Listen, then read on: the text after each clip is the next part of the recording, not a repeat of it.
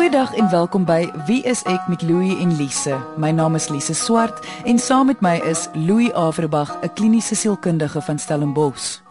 Wat baie mense nie besef nie, is dat verslawing val onder sielkundige toestande.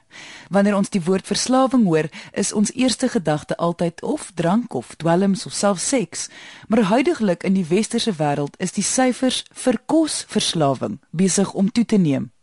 So vandag gaan ons bietjie kyk na redes hoekom die syfers toeneem wanneer iemand 'n kosverslawing het of 'n ooreet eetversteuring en maniere hoe dit teengestaan kan word. Ons gas vandag is direk deur die onderwerp geraak.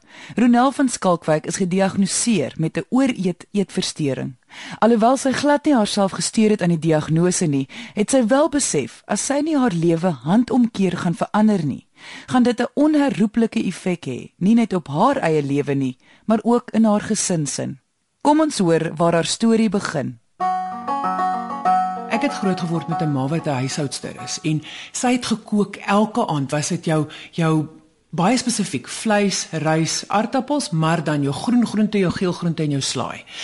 En sy het ontbyt was jy moet eet soos 'n koning en jy moet middagete moet jy eet soos 'n ehm um, soos 'n gemiddelde sakeman en in die aand moet jy eet soos 'n soos 'n armoedige. Maar in ons huis was dit min of meer so en ons het groot geword met 'n baie puntenerige uitkyk. Want ek het in hierdie ultra gesondheidsbewuste wêreld groot geword en dit was nie noodwendig 'n negatiewe wêreld nie, maar ek het ek het hierdie ek het hierdie was hierdie wêreld wat versteek was vir my wat ek moes kry. So as ons by Sondag by mense gaan eet het as kind en my maale was vreeslike sosiale mens, ek het eers afgedek en almal was mal oor my, want in die kombuis kon ek skelm van die kos eet. En ek kon ekstra vat. Dan word jy groot en jy en jy jy besef maar my eerste salaris was ek het vir gaan gaan Switserse chocolates koop en chocolate eclairs. Want dit was so half oh, wow, ek kan dit actually met my eie geld koop en ek en ek kan dit hê. So ek dink al was 'n tydperk waarin ek my vergryp het, maar ek het nog nie gewigsprobleem noodwendig gehad nie. Want toe was ek jonk en ek was fiks en ek was gesond. Weet jy, op my swaarste, kom ons wees eerlik met mekaar, want ek sal dit nooit hardop gesê het nie. Mens sê baie gou moenie vir 'n vrou vra of sy weeg nie. Ek het gedraai by amper 140 kg en ek is net 1,63 meter lank. Louis, wanneer ons praat van 'n kosverslawing, Is dit dieselfde as wanneer iemand byvoorbeeld verslaaf is aan drank of dwelms? Ja, oor die algemeen is verslawing maar verslawing. En daar's twee komponente van, daar's 'n sielkundige komponent en 'n fisiese komponent, jy weet, en fisiese komponent het te doen met onttrekking en met toleransie dat jy meer moet inneem om dieselfde effek te kry. En in ons samelewing vandag is dit baie maklik om 'n kosverslawing weg te steek. Uh, dit is ook baie meer aanvaarbaar om met kos rond te loop, byvoorbeeld as wat dit is om met drank rond te loop. Wanneer ons al op wees ek gepraat het oor 'n uh, alkohol of 'n dwelmverslawing, het ons verwys na die genetiese komponent wat 'n rol speel. Is dit ook relevant wanneer kom by 'n kosverslawing? Speel genetika 'n rol? In verslawing oor die algemeen weet ons, daar's altyd 'n genetiese komponent wat bepaal kan jy makliker verslaaf word aan iets of nie.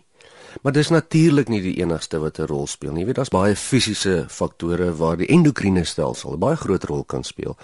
En daar's ook baie sielkundige faktore. En ons moet versigtig wees om nie verward te raak tussen die genetiese komponent en 'n biologiese komponent wat betrokke is as daar verslawing is nie. Nee, daar's 'n chemiese proses in mens se lyf en veral in jou brein besig om plaas te vind op die oomblik wat jy verslaaf is.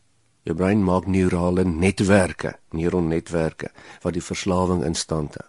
Dit is nie genetika nie. Genetika gee amper daai ding vir jou wat jy met slegte geluk dalk kry van die voorvaders af wat maak dat dit makliker met jou kan gebeur of nie.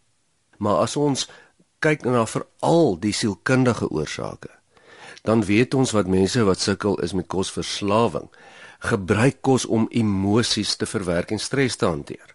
Jy weet in in die meeste gevalle is hierdie persone dan ook oorgewig.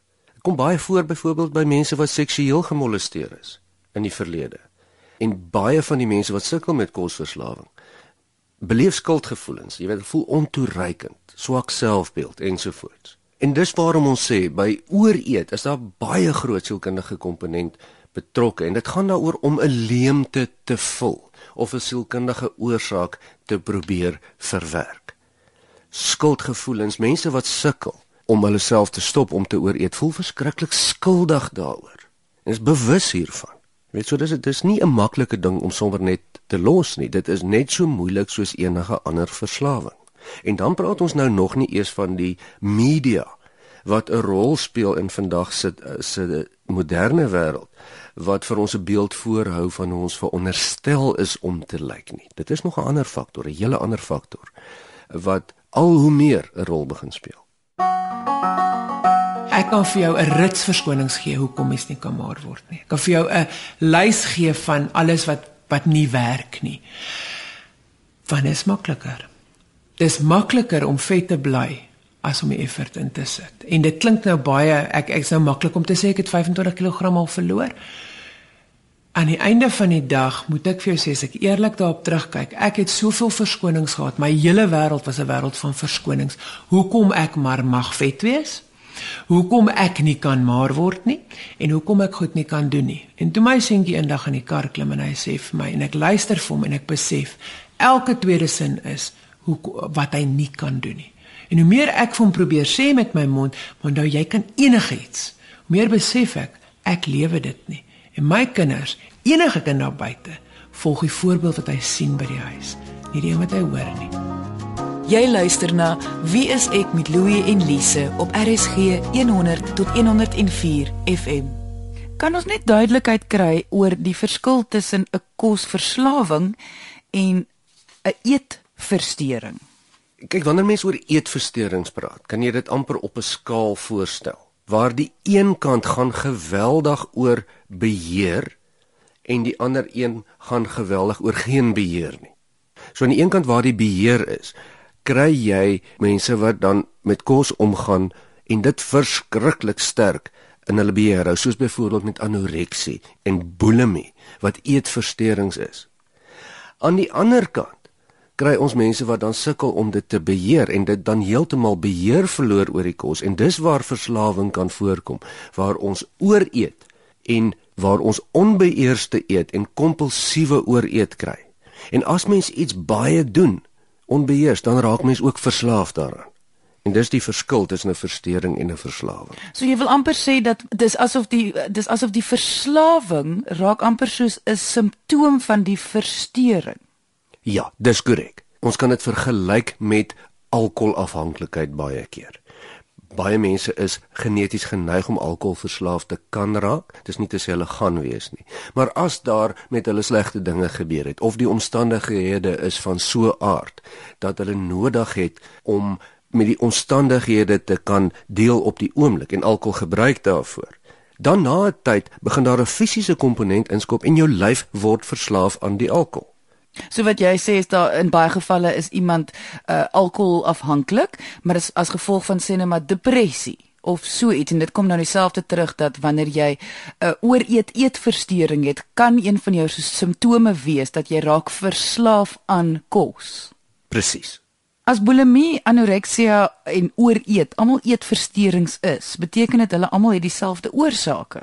Die probleem met eetversteuring is dat dit verskriklik ingewikkeld is en daar nie regtig spesifieke oorsake is wat deur almal saamgestem word oor nie, nê. Nee, ons weet nie altyd presies waarom eetversteurings begin nie. En ja, breedweg verstaan ons daar sielkundige oorsake, daar's chemiese oorsake, maar dis omtrent dit.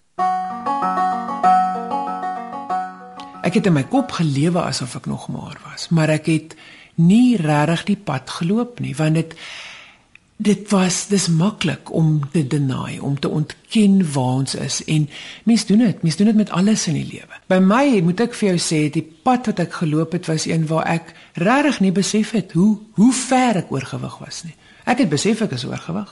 Ek het besef ek is die groter gul in die vertrek. Ek het my gemeet aan dit wat ek nie kan nie. Maar ek was net 'n kop. Ek was regtig net 'n kop. Die lyf het by my nie insaag gevind tot die dag wat ek uh, my kontrak na 10 jaar by 'n maatskappy beëindig is en ek in 'n halfe depressie verval het en ek by 'n spieël verbygeloop het en skielik was daar 'n gedagte voor my wat ek glad nie herken het nie. Ek het regtig in skokking gegaan. Ek het nie ek kon nie vereenselwig met dit wat ek in die spieël gesien het en die persoon wie ek is nie. Die twee was twee verskillende mense, soos om 'n trappie agter jouself te loop. En dit wat ek gekry het was nie wat ek wou hê nie. Ons gesels vandag oor kosverslawing en ooreet eetversteurings. Indien jy weer na vandag se episode wil luister, kan jy na RSG se webwerf gaan. Dit is rsg.co.za en na die potgooi gaan luister. Die sleutelwoord is wie is ek? Ons gas vandag is direk deur die onderwerp geraak. Ronel van Skalkwyk is gediagnoseer met 'n ooreet eetversteuring. Alhoewel sy glad nie haarself gesteer het aan die diagnose nie, het sy wel besef as sy nie haar lewe handomkeer verander nie, gaan dit 'n onherroepelike effek nie net in haar lewe hê nie, maar ook in haar gesin se. Een van die hoogtepunte van vetwees was die feit dat my bene kon my nie meer dra nie. Ek het geval 3-4 keer 'n dag in 'n groot winkelsentrum hier in Kaapstad daar in Canal Walk voor die die Rolprent teater. Sak ek aan mekaar, my voet gee in, ek slaan alles van die mure af en daar lê ek en ek kan fisies nie op nie. En my seentjie wat 35 kg weeg, moet my probeer regop kry. En al die mense staan en kyk. En kom ek sê vir jou daar, dan besef jy nie daai ongelooflike vernedering wat my kinders beleef het oor en oor en oor op soveel plekke. En dan kruip jy weg O, dit is lekker. Dit is nog 'n verskoning. Jy gaan kruip weg agter jou deure by jou huis. Jy gaan minder uit, jy kuier net saam met sekere mense, jy vermy ander. Dit raak maklik om vet te wees. Want dit gee vir jou iets om agterweg te kruip. Louis, kan jy net weer vir ons uh, vinnig die verskil verduidelik tussen die verslawing, 'n kosverslawing en 'n ooreet eetversteuring?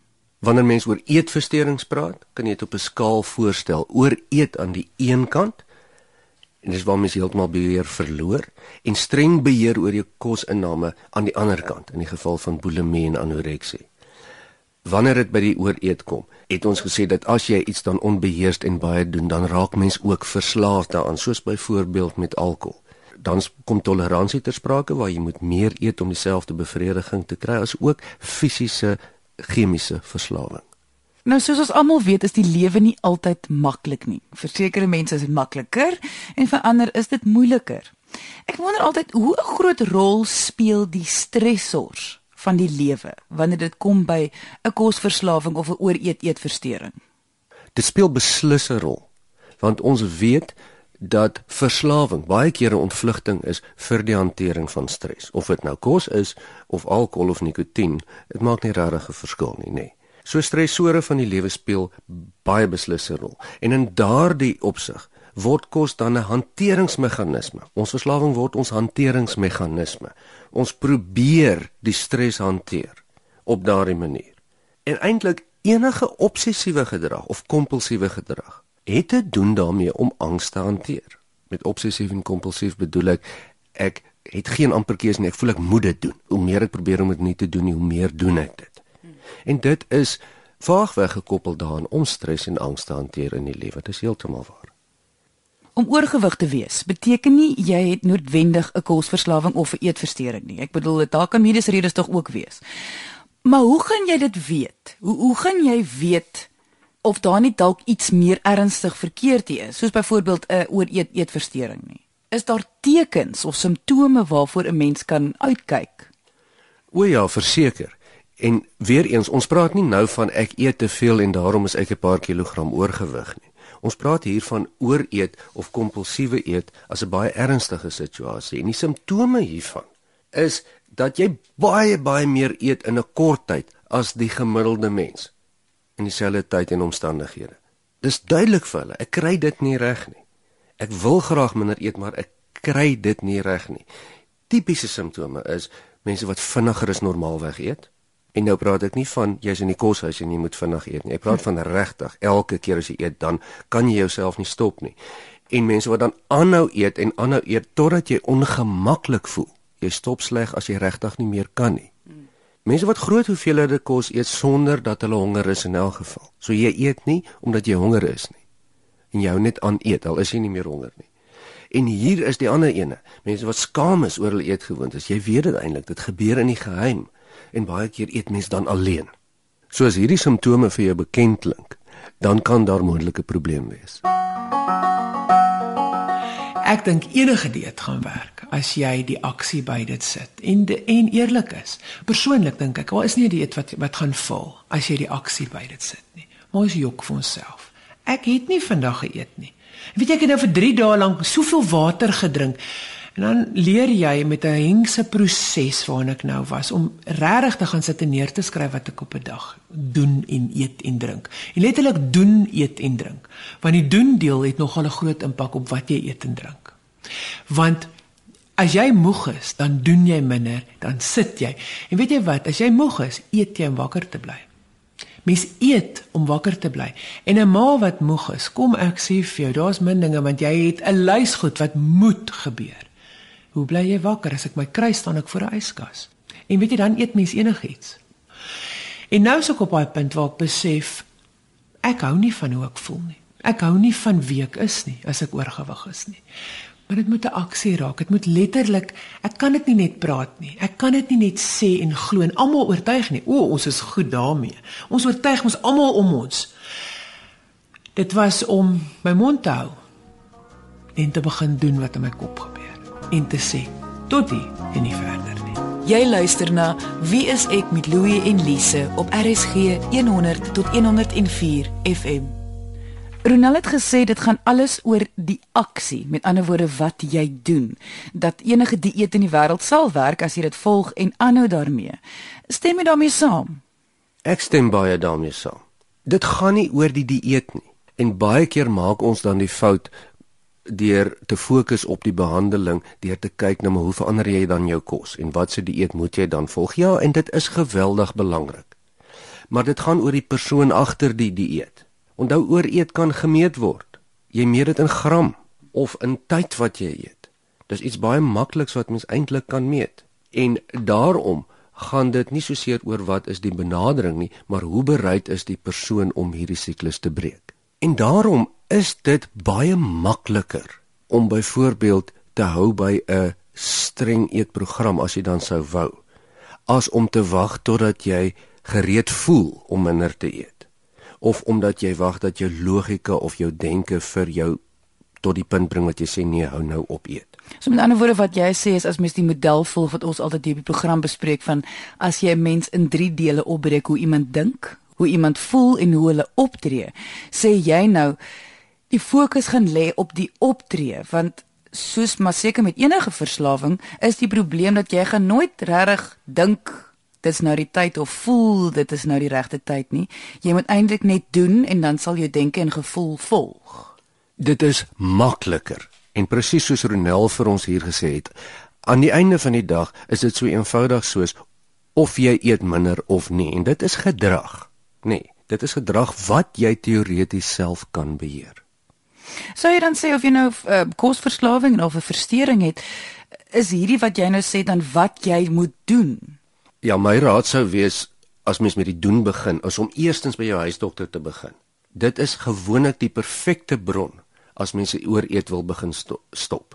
So die huisdokter gaan eers na jou kyk en kyk wat is die mediese redes.